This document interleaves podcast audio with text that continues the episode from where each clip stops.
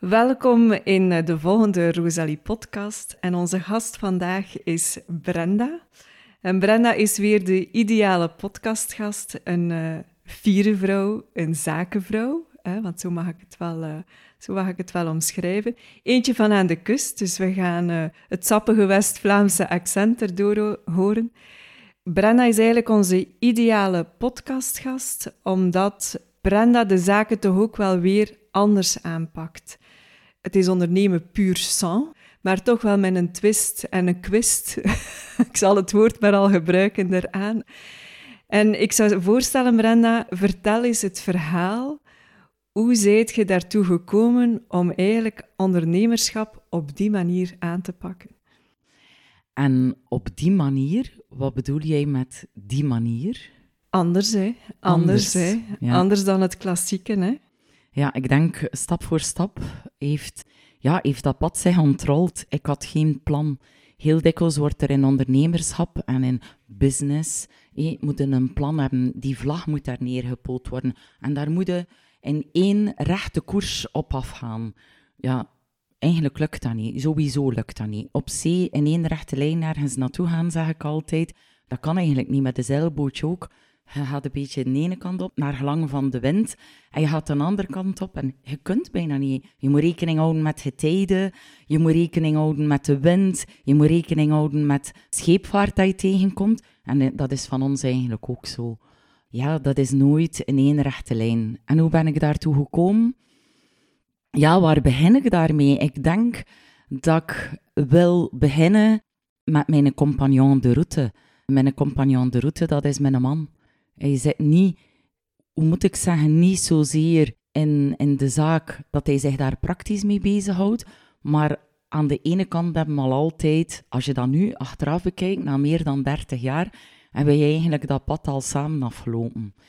En uh, toen dat ik hem leerde kennen, ik was een jaar of 19, en toen uh, zei hij al, kijk Brenda, voor mijn dertigste wil ik mijn eigen vissersvaartuig hebben. Want hij was de zoon van reders en hij had dat in zijn hoofd al altijd dat hij dat voor zichzelf ook wilde. Wat dan niet evident is. Dat is een groot kapitaal waarin dat er te investeren is. Nu, mijn roots, die liggen eigenlijk ook in de visserij. Alhoewel dat mijn papa gestopt was als visser toen ik negen was. Mijn grootouders hadden een vissersvaartuigen verkocht. Die waren ook uh, reders geweest. En daar had ik eigenlijk geen, hoe moet ik zeggen, geen feeling meer bij. Maar in huis was dat niet meer bij ons. Maar ja, toeval of niet, toeval bestaat natuurlijk niet, kom ik bij mijn man terecht, die een zoon is van reders en die zegt, ik ga mijn eigen vissersvaartuig hebben. En zo zijn wij, toen dat we getrouwd zijn, ik was maar twintig, nu is dat eigenlijk ongelooflijk, hè? direct ook trouwen, niet samen Ja, ja. Zo echt die oude manier als je dat nu bekijkt. En um, toen ik uh, twintig was, en dan zijn wij eigenlijk heel snel daar beginnen voor kijken. Ik was ook uh, relatief snel zwanger. Wij hebben samen drie kinderen. En toen ik uh, zwanger was van, ons derde, van onze derde zoon, we hebben twee zonen en dochter ook, zeer belangrijke elementen op mijn pad toen hebben we eigenlijk een eigen vissersvaartuig gekocht. Nu, dat was een droom om dat te komen, maar dat is eigenlijk niet zo'n echte droom gebleven, want er was er eigenlijk wel altijd iets mee. Er was altijd wel een, een mankement aan, er moesten herstellingen uitgevoerd worden, want die dat helemaal verbouwd. Dat verliep dan ook niet zoals dat we wilden. Om een heel lang verhaal kort te maken, op 13 september 2001, en dat is twee dagen na de Twin Towers, brandt dat schip uit op volle zee van windkracht 9, met alle zesde bemanningsleden aan boord. En dat is eigenlijk ook wel echt een kentering geweest, ook weer als je dat achteraf bekijkt. Want op die moment was dat de hel. Financieel, uh, miserie met de verzekering, met de banken. Um, iedereen moet plots zijn geld hebben. Zelf zit je daar echt wel... Ja, wij hadden vijf jaar dat schip toen dat hij uitbrandde. Wat hem verbouwd. Hadden daar nog niet echt grote reserves in. En dan brandt dat uit, dan gaat die droom ook de lucht in. Ja, en dat heeft ook wel een periode geweest waarbij we hebben een paar jaar op onze centen moeten wachten en daar echt wel uh, moeten uh, voor processen en, en ja, voet bij stuk houden om te zorgen dat we niet failliet gingen en dat, wij, dat de curator niet was die voor ons ging beslissen wat er mee gebeurde. Want het is eigenlijk een wonder boven wonder. Dat is gelukt. Hoe? Vraag mij dat niet. Ook weer stap voor stap, dag voor dag. Met eigenlijk ook wel moeilijke stukken in onze relatie. Kleine kinderen die wij hadden. Uh, financiële zorgen. En daar ben ik ook wel een stukje in een overlevingsfase gegaan. Waardoor een zekere hardheid. Ik werd er nog voor geprezen ook. Brenda, best dat jij zo'n sterke bent. Best dat jij daar uh, zo'n mannetje kan in staan. Want voor mijn man was dat ook nog een keer emotioneel. Dat schip werd hem precies afgenomen. Zij zijn ook ja, op volle zee door een helikopter gered geweest. Hij heeft ook nog een laatste keer over dat schip gecirkeld met die helikopter, waar dan de vlam 18 meter hoog uh, boven het schip uit springen ja, dat was eigenlijk ook emotioneel. En ik heb daar ook niet altijd mee bezig geweest. Want bij mij, dat emotioneel, heb ik daar afgesloten. Ja, ik doe daar niet meer aan mee. Mijn overlevingsfase. Ook niet mij naast hem gezet en ik is een hand genomen. En ik heb gezegd van, hoe erg dat dat eigenlijk ook was voor hem. Dus dat had ook kunnen een punt zijn waar dat wij helemaal uit elkaar groeiden. En voor een stukje is dat toen ook wel zo geweest.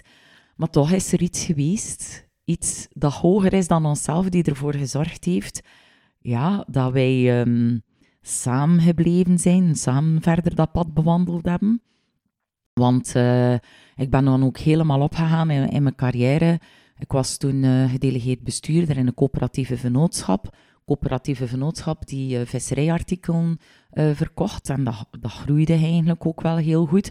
We hadden ook um, ja, contacten met de Franse en de Nederlandse coöperaties. Dus dat zorgde ook wel om, om die blik open te zetten. Om, om in één keer zo van, van, van iets kleins die coöperatieve vennootschap heb ik eigenlijk helpen opstarten zes maanden nadat we het schip hebben nagekocht.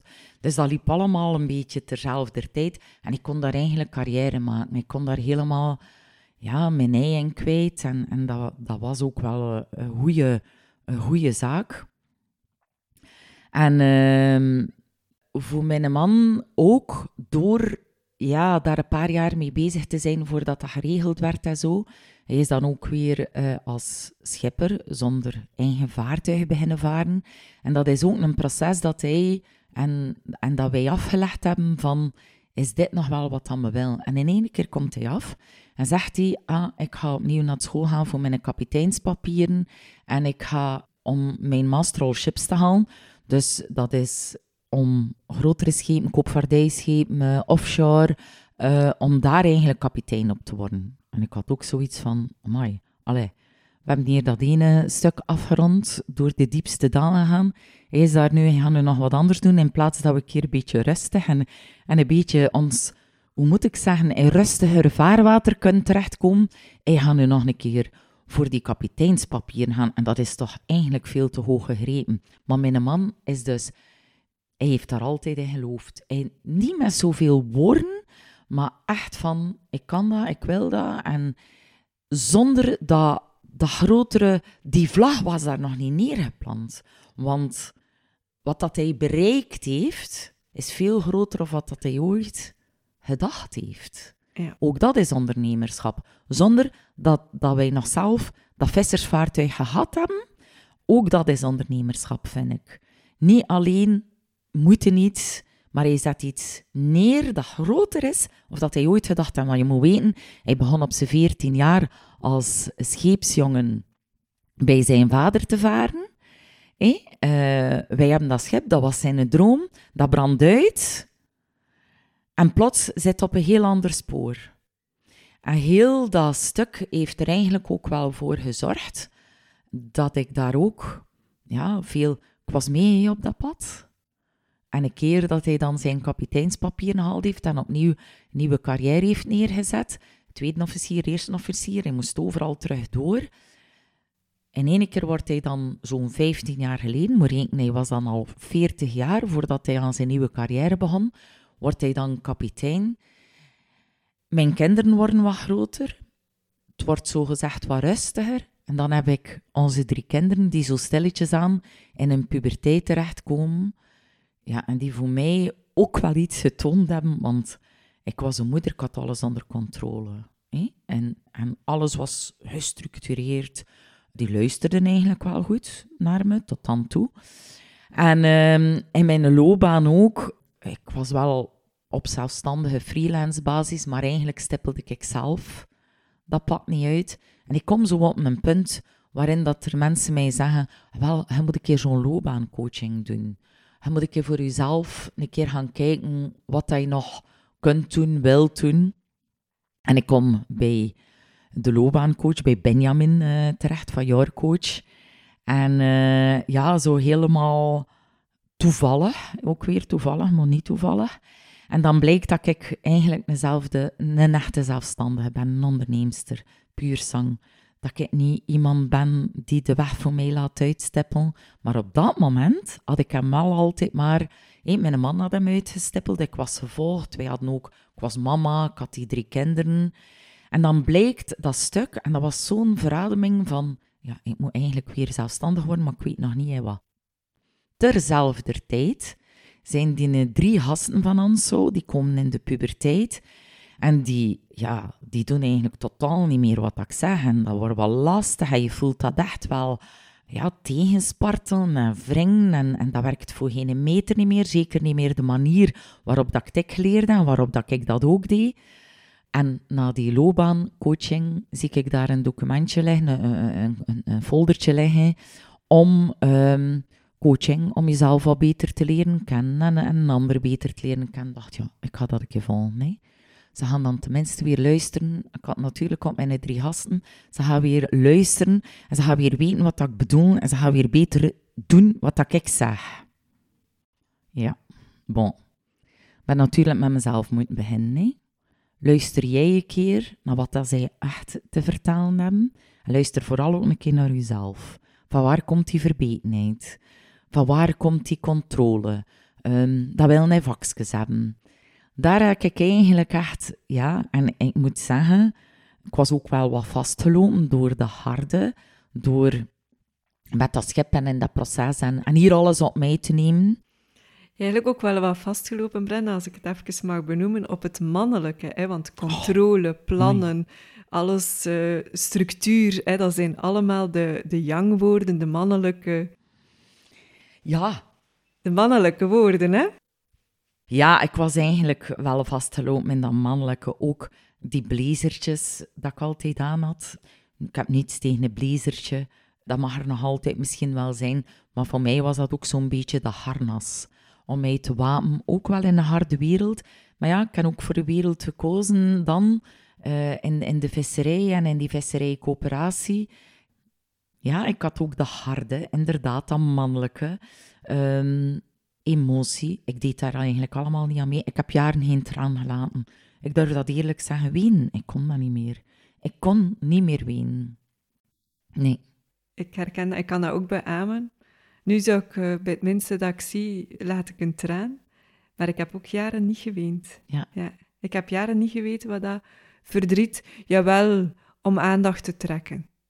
Ik denk het manipulatieve uh, verdriet. Dat kende, dat kende ik wel. maar echt verdriet. Maar ik heb wel mijn schade achteraf ingehaald. Ja. ja.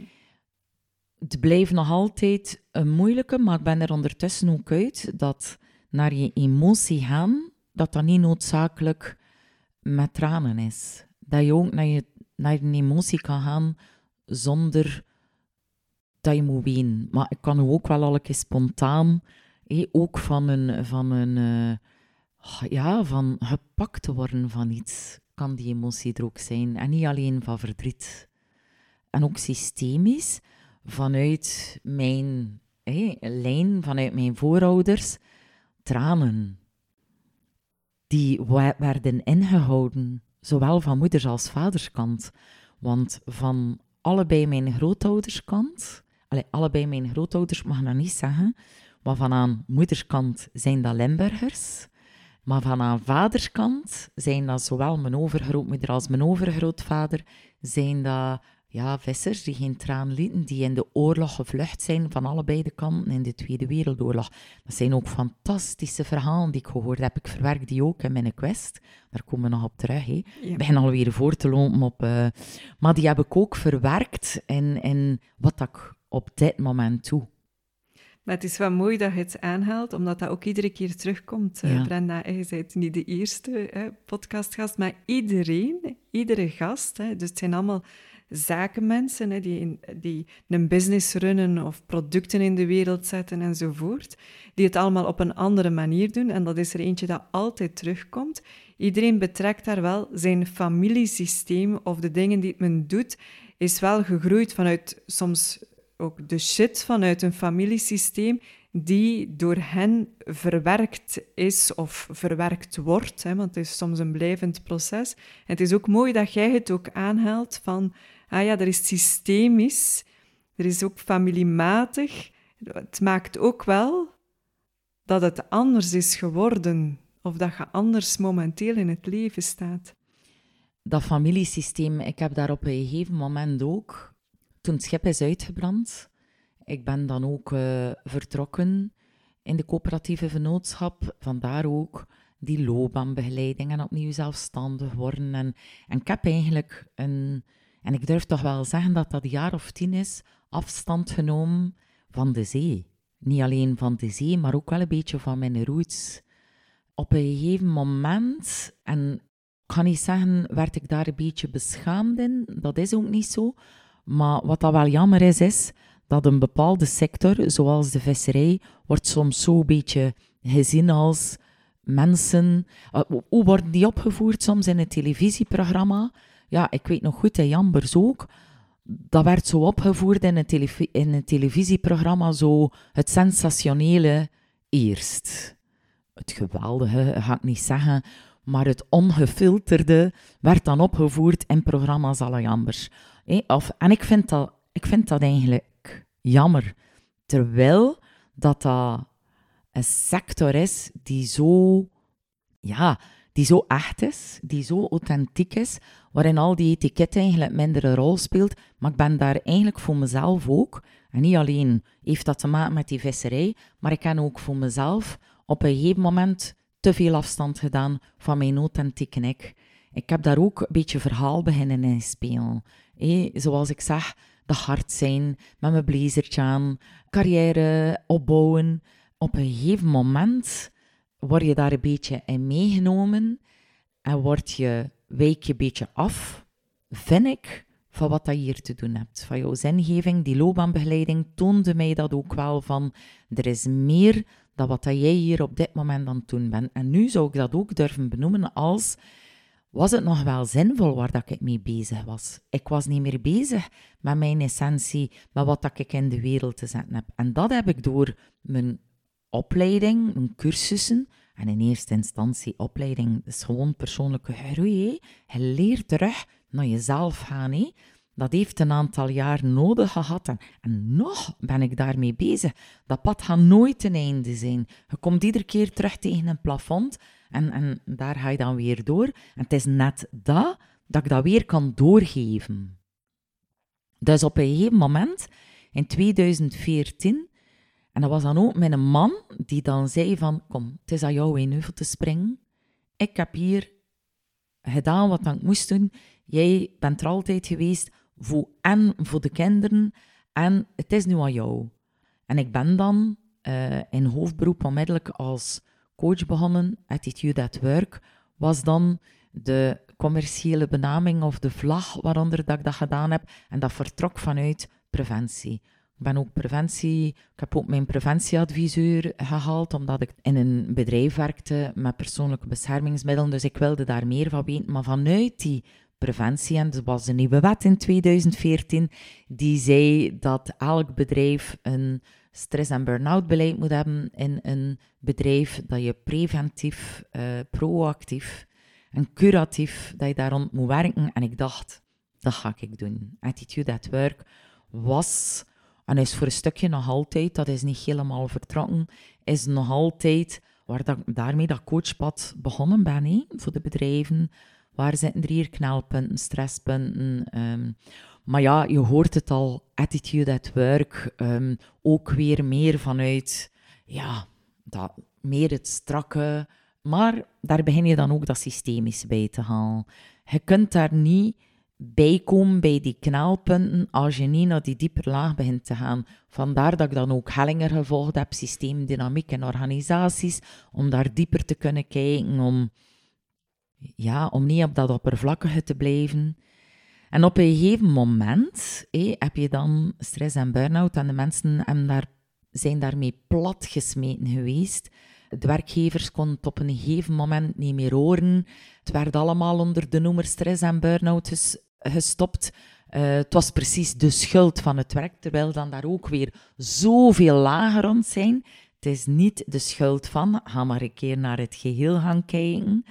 We hebben daar allemaal onze verantwoordelijkheid in te geven. En dat zie ik soms nu wel in de maatschappij, dat we veel te veel onze eigen verantwoordelijkheid afgeven. Het is de schuld van. Het is de schuld van din, de din en din. En dan gewijs naar iemand en die drie vingers die naar jezelf wijzen, daar gaan we niet naartoe, hè? Ja. Ja. En dan op een gegeven moment was er zoiets van, ja, ik ga mij een keer een, een soort van business coach in de arm nemen, want wat is mijn USP? Er zijn zoveel bedrijven wat dat ik doe en ik worstelde daarmee om mij daarmee in de markt te zetten. Eh? Marketing-wise noemt dat dat zo. Wat zijn er zoveel en wat doe jij nu juist? En uh, ik weet nog goed, en het was ook op deze plaats, en dan hangde daar um, zo'n zo'n flipchartblad. En er werd een SWOT opgemaakt. En dan begin ik te vertellen. Eigenlijk het verhaal wat ik hier nu ook verteld heb.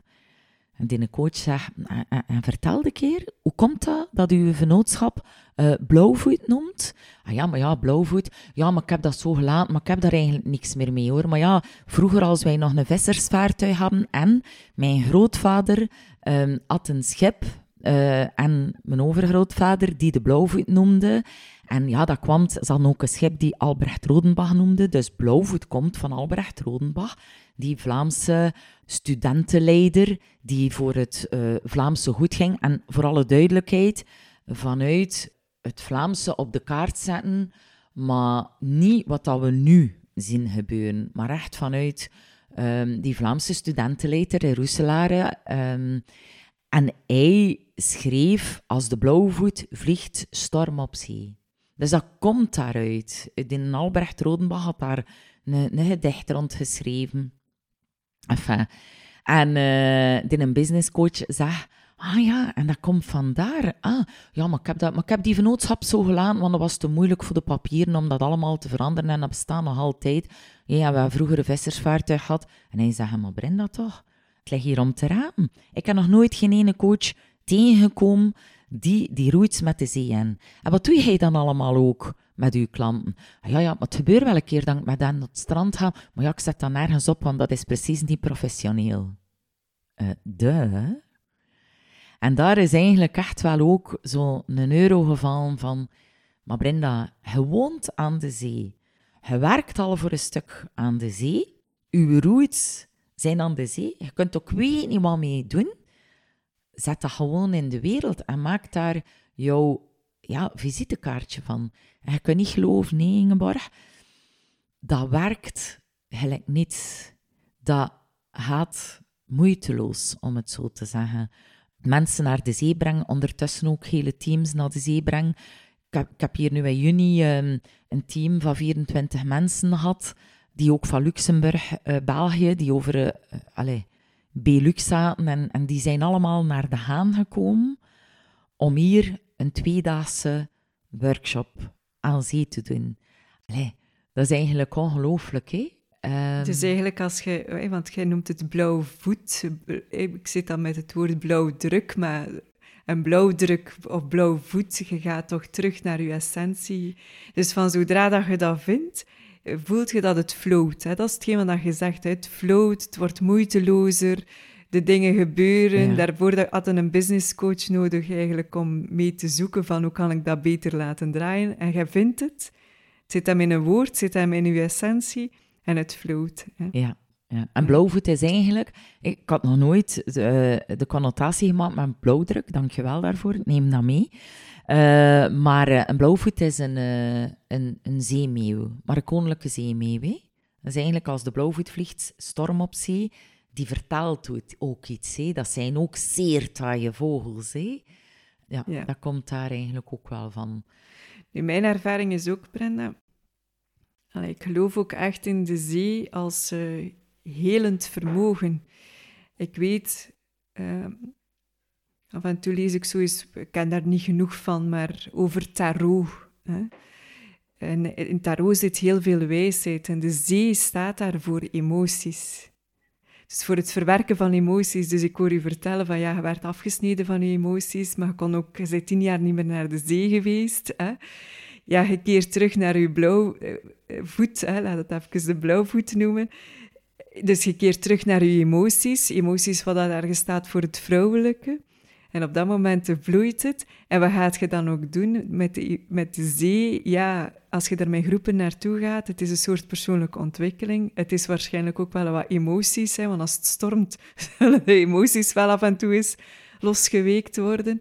En dat kan ik echt zeggen, de zee geneest emoties. Het, hoeft zo, het is niet altijd zware coaching of zware ruttetut de zee neemt echt emoties weg en daar kan ik echt over meespreken. Ja? Ik kan dat echt bevestigen. Helemaal is het niet zwaar. Integendeel, het wordt alleen maar lichter gemaakt. Alleen al de mensen hun schoenen laten afdoen en de voeten in het zand. Ook iets dat we dikwijls vergeten zijn, want we lopen ganser dagen op geïsoleerde zolen weg uh, van de aarde. En op blote voeten lopen is eigenlijk nog altijd een zeer belangrijke. En alleen al het is niet alleen met teams, ik organiseer ook um, aan zee, waar dan mensen kunnen inschrijven of, of, of één op één coaching.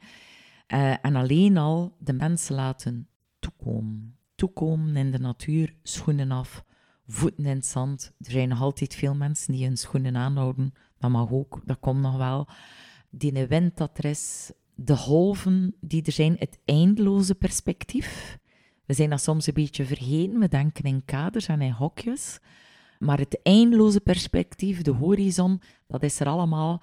En ja, ik moet eigenlijk ook niet meer hard werken. Want dat vroeger, hè, dat hard werken, veel moeite doen, heb ik allemaal gehad.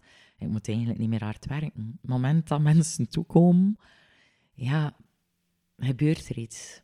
Er gebeurt iets in, in de energie. Men kan landen, men is aan men is aan het zakken. Men zit al op een heel andere laag, waardoor dat de vragen waarmee dat ze komen, ja, dat je al kunt starten op een, op een andere laag, noemen wij dat, op een andere frequentie, waarin dat je uit je hoofd gehaald wordt. Dat is ook wel iets dat ik belangrijk vind. We zitten heel dagen in dat hoofd, hè? hier. We zitten hier helemaal gevangen in dat hoofd, dat we vergeten dat we hier ook nog een lijfje hebben, die hieronder hangt. Maar dat er ook van alle soorten informatie is opgeslagen. En we vergeten, zoals de hele dagen hier van alles aan bedenken. En, hier zit er ook nog allemaal van alle soorten van belangrijke informatie opgeslagen. Ik moet, dat, ik moet daar ook altijd nog naartoe terugkeren. Ik moet daar nog altijd moeite voor doen om heel bewust terug te keren en niet alleen in mijn denken te zetten. Dat is ook een, een, thema dat altijd terugkomt in de podcast, naar het onbewuste, naar de laag, de onzichtbare laag, naar de laag van de magie. En we krijgen af en toe de vraag achter de schermen van ja, maar en hoe doe je dat dan juist? En hoe is dat dan juist? Ja. Hoe doe je dat juist? En, ah, wel, en dat is wat ik kan bereiken door mensen mee te nemen naar de zee. De hoe, de methode is hen daar laten toekomen. Dat zou ik durven zeggen. Terug de connectie maken met de natuur. En ik denk dat we dat de afgelopen jaren toch ook wel gezien hebben, hoe belangrijk dat dat terug was om terug te keren naar de natuur. twee, jaar, twee jaar en een half geleden, mensen herontdekten in één keer terug de natuur bij hun deur. We moesten er niet voor op reis gaan. We herontdekten de natuur bij onze deur. En dat dan nu een keer samenvalt met, ik heb, um, ja, uh, Coaching aan Zee is in januari uh, 2020 mijn nieuwe website gelanceerd. dat dat daar nu een keer allemaal bij samenvalt, bij de afgelopen periode, waar dat ik het C-woord niet altijd meer wil voor gebruiken, maar met die afgelopen periode die toch ook wel een zeer belangrijke periode voor ons allemaal geweest is. Ja. Zou iedereen dat zo ervaren? Ja, dat, hangt er allemaal vanaf hoe dat je het leven, van welk perspectief en van welke kant dat je het leven bekijkt, denk ik. Eh, je kunt hem bekijken vanuit lastig, moeilijk, en dat is het per moment voor iedereen geweest, denk ik. En je kunt hem ook bekijken vanuit, ja, terug naar het oude gaan we nooit meer. Naar 2019, sowieso ga je daar niet meer naar terug, maar ik denk dat er daar iets is waar dat we afscheid van genomen hebben waar dan de meeste mensen niet meer naar teruggaan. En ik kijk uit naar wat dat er nog allemaal gaat gebeuren. Uh, moet ook weten, Ingeborg, ik volg ook wel het nieuws, allerhande nieuws. Dus het nieuws volgen is niet alleen mainstream uh, wat dat er ons verteld wordt. Ik volg allerhande nieuws en ook dat kan je weer vanuit twee perspectieven bekijken alle nieuws. Ehm, je kunt dat bekijken vanuit het doemdenken. En je kunt dat bekijken vanuit, amai, wat gaat er nog allemaal benieuwd? Ik ben eigenlijk zeer benieuwd wat dat er nog allemaal gaat gebeuren. Er worden jobs geboren, er gaan nog jobs en nieuwe tendensen, die worden altijd geboren, maar we kunnen niet zo zot bedenken of wat dat er nog allemaal staat te gebeuren. En niet alleen vanuit het omdenken. Ik volg alle kanaal. Ik volg ook um, wat dat er met de Great Reset en, en het zogezegde complotdenken, of het compleetdenken, hoe dat je het wil noemen. Ik volg dat eigenlijk wel allemaal. Maar in elke strekking van wat dat we te horen krijgen, zit er zeer veel angst. Zit er heel veel en het doemdenken. En ik ben daar soms ook ondergeven aan. Oh, dat gaat toch geen waar zijn? Nee, Maar ik wil iedere keer heel terugkeren naar de opportuniteiten die er zijn, die er gaan aangekoppeld zijn. Maar het hangt er allemaal vanaf van welke kant dat je het bekijkt. En dat is iets, ja, ik weet niet hoe dat ik dat moet zeggen, maar ik heb mij dat de laatste jaren enorm aangeleerd. Is dat ook door die evolutie, door wat dat ik meegemaakt heb met, ons schip, met de kinderen, mijn eigen evolutie, dat, dat er altijd twee en meer kan zijn van waaruit dat je iets kunt bekijken. En wij kiezen, wij kiezen ook met onze mindset naar welke kant dat we willen kijken. Want natuurlijk zijn wij wij zijn van oudsher, we zijn zo, ons brein is zo geconditioneerd dat wij op negatief denken ja, wij zijn daarin uh, ons oerbrein en vanuit onze oertijd, wij moesten wel om te kunnen overleven scannen op gevaar. En dat zorgde ervoor dat we konden overleven. Maar net daarvan moeten we ons zeer bewust van zijn dat we daar kunnen blijven in hangen. Je mindset, die kun je eigenlijk trainen. En daar zijn genoeg podcasts en. Maar je mindset, die kun je trainen om het positief te bekijken en het van meerdere kanten te bekijken. En ik denk dat dat is waar dat ik als coach dat wel goed in ben.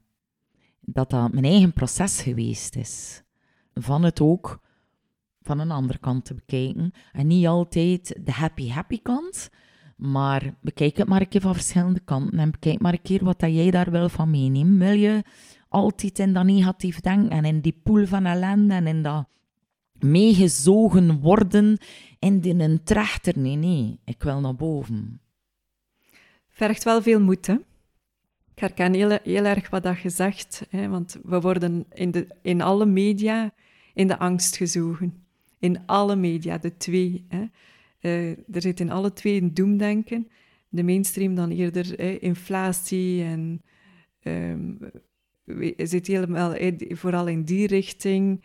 Um, zet maar eens een business op en ik kan erover meespreken. Hè. Als er inflatie gaat komen enzovoort enzovoort. Dus dat, dat is iedere dag inderdaad die programmatie en de, de helderheid in welke mate zijt je zelfs realistisch. Ja. Altijd de vraag stellen in welke mate zijt je realistisch. Eh, en dan, en nu spreek ik even voor mezelf, maar ik ben heel blij dat je het aankaart. Het is heel erg, moest ik nu geen extra dimensie hebben waar dat kan op beroepen, jamais de ma vie dat ik door die angsten zou doorgeraken en doen wat ik vandaag, vandaag doe. Ik, weet niet of dat je herkent wat ik... Uh... Ja, want wat is realistisch? Is realistisch hetgeen dat ons aangepraat wordt? Hoe dat we een bepaalde business en zaak in de wereld moeten zetten? Is dat realistisch?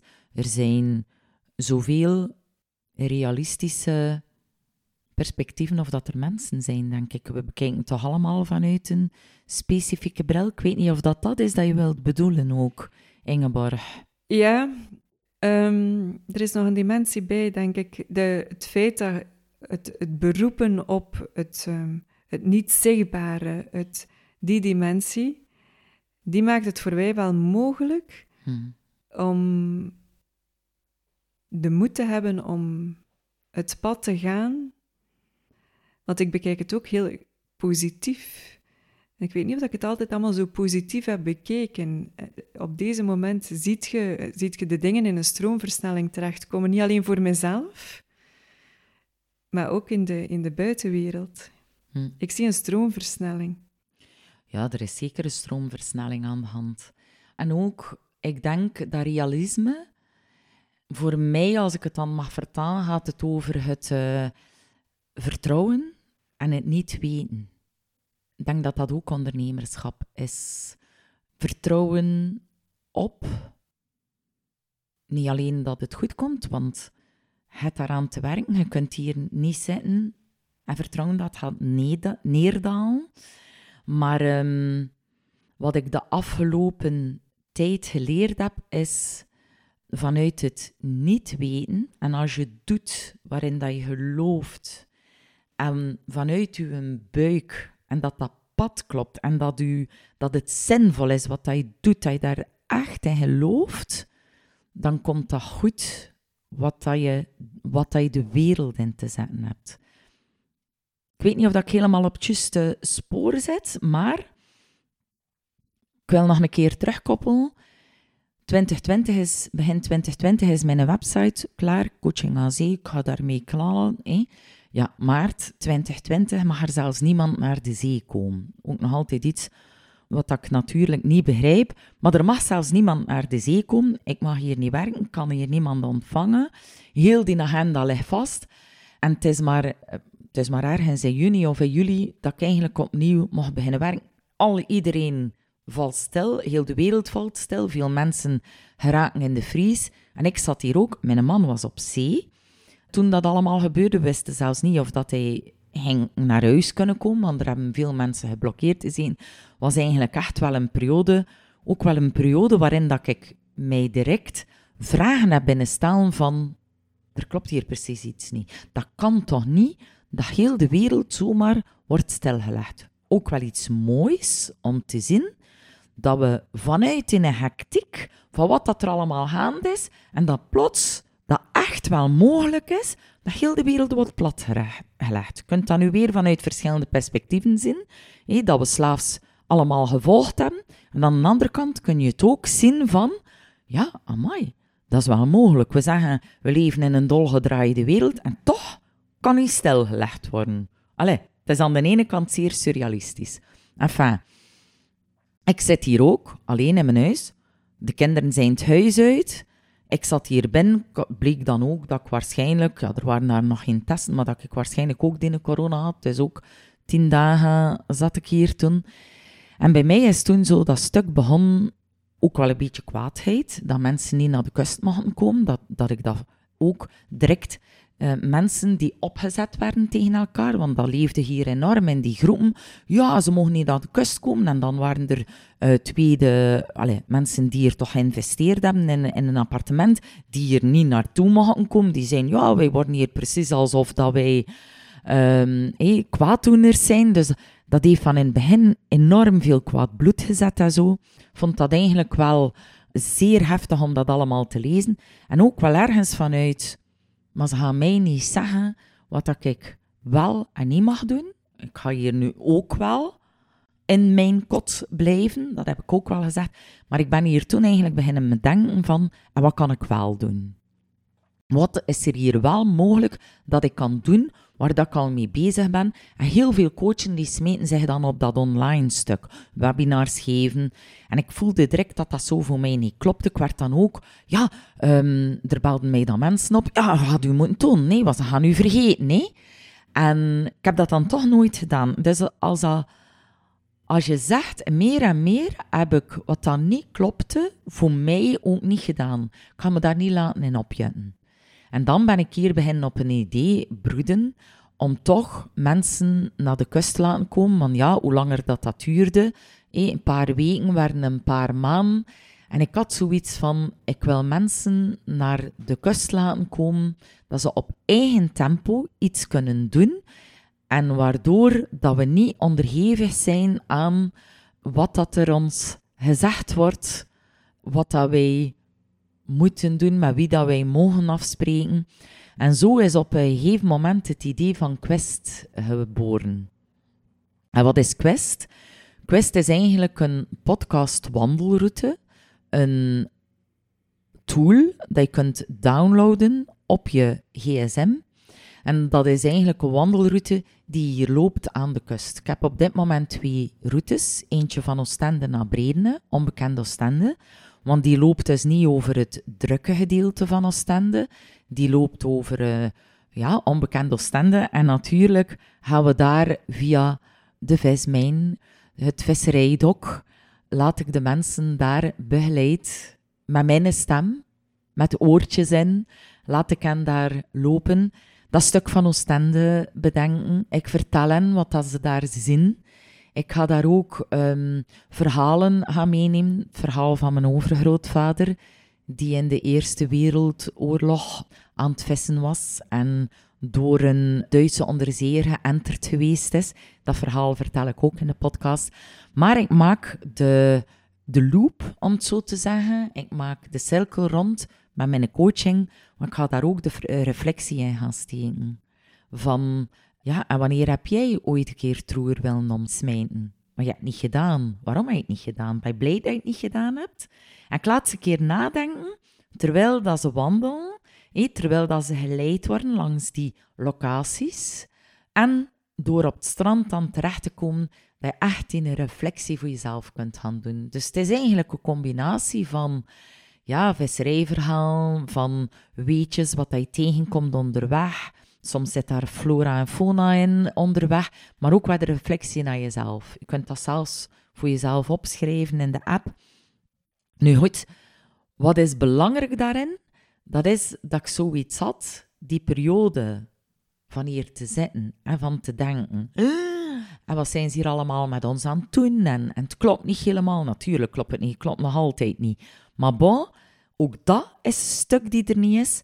Maar het is ook wel van, wat doe ik ermee? En dan moet ik zeggen dat ik als, als coach, wat heel dikwijls ben je daarmee bezig, één op één coaching, ja, je moet ook voor groepen te werken, want dat is een model, een businessmodel, waarmee dat je meer kunt verdienen. Dat dat niet meer uurtje factuurtjes. Oké, de groepen zijn dat, en dat ligt mij ook wel. Ik heb graag die combinatie daarvan. Maar met Quest hangt nu eigenlijk, en dat was niet mijn opzet, maar het komt er wel. Heb ik eigenlijk een product waar dat ik maar ongelooflijk blij mee ben. Want ik weet ook, het is niet evident om het op de markt te zetten.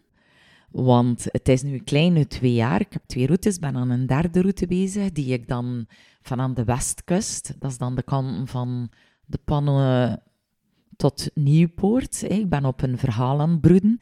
Ik zeg altijd, dat is precies een boek dat ik schrijf. Want dat moet kloppen. Dat moet kloppen. Dat is niet dan die podcast, die audio's die daarin zitten per locatie, dat duurt geen uur. Dat duurt iedere keer maar een minuutje of vijf. Maar heel die rode draad moet kloppen. En ja, dat is, dat is precies een boek dat ik schrijf. Dus ik ben daar wel een beetje mee bezig.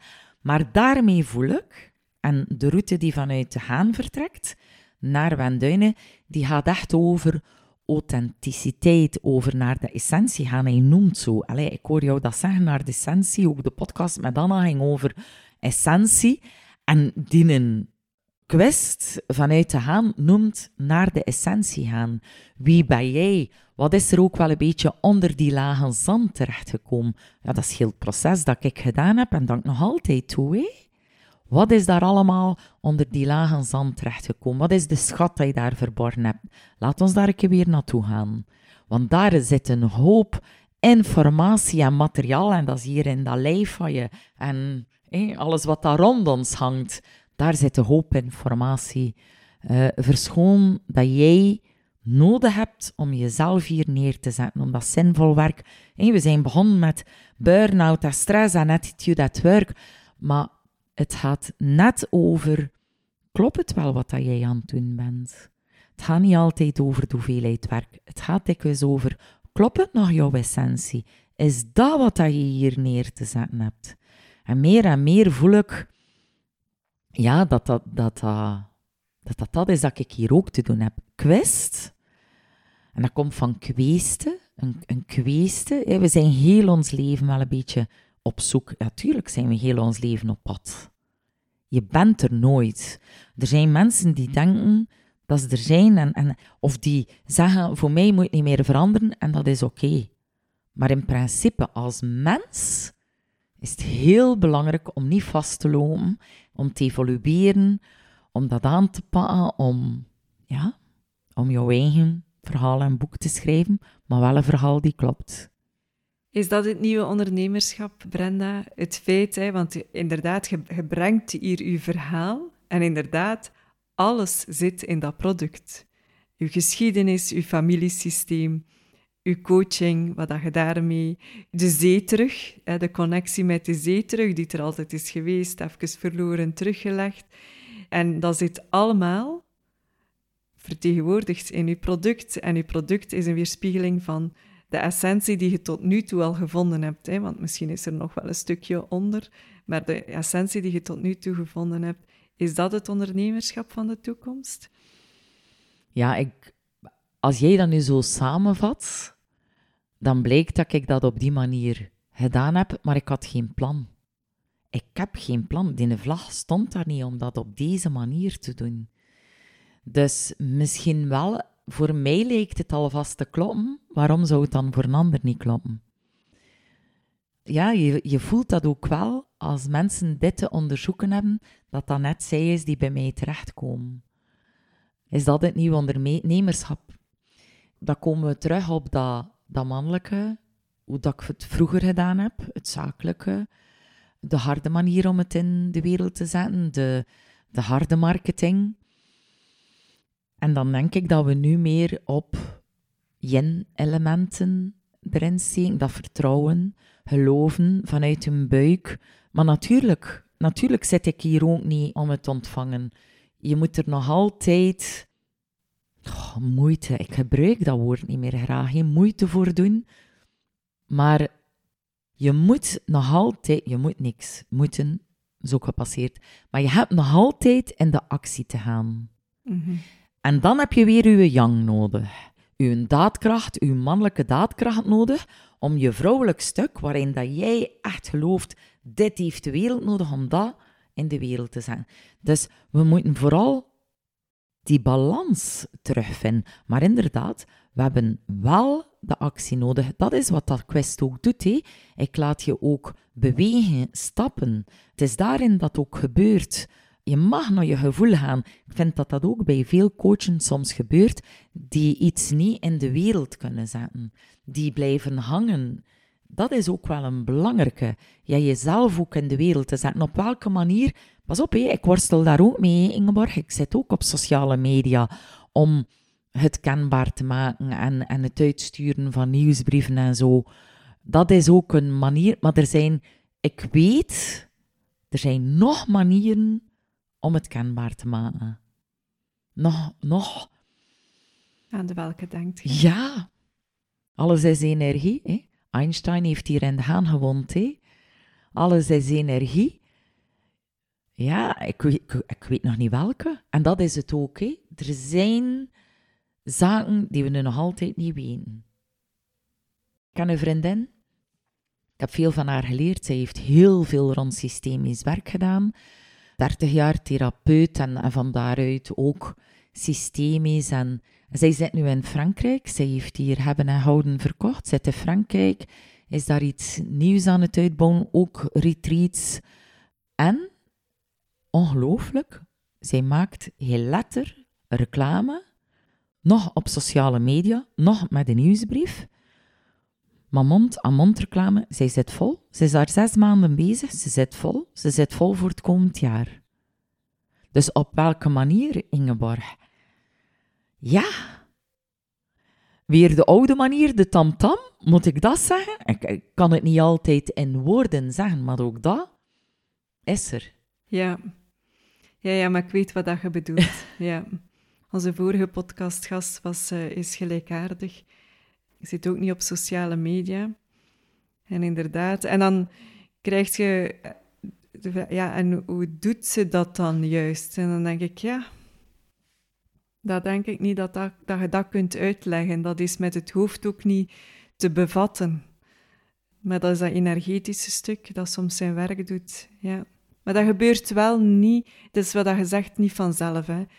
Dat gebeurt niet, ook daar zit veel werk achter, maar weer een ander soort werk dan het harde werken dat we gewoon zijn. Ja, ja, ja. Dat is al een zichtbare stuk weer, hè. Absoluut, absoluut. We zijn zo gewoon van in de harde te gaan, hard werken. Ja. Dat is ook wat ik altijd gedaan heb, dat je daarvan overtuigd bent dat alleen maar op die manier kan. Hè? Maar er zijn op dit moment mensen genoeg die het ook op een andere manier in de wereld zetten. Hè? Ja.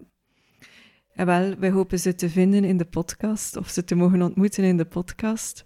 Het is een beetje op zoek naar, eh, naar gelijkgestemden. Brenda, als je nu zou de secrets van Brenda, de secrets, je hebt er wel al een aantal benoemd, maar misschien als afsluiter, wat zouden nog aan de Rosalie-podcast luisteraars willen meegeven als zijnde, kijk, dat zijn eigenlijk, ja, secrets, dingen waar dan niet veel over gesproken worden, die ik toch nog wil meegeven.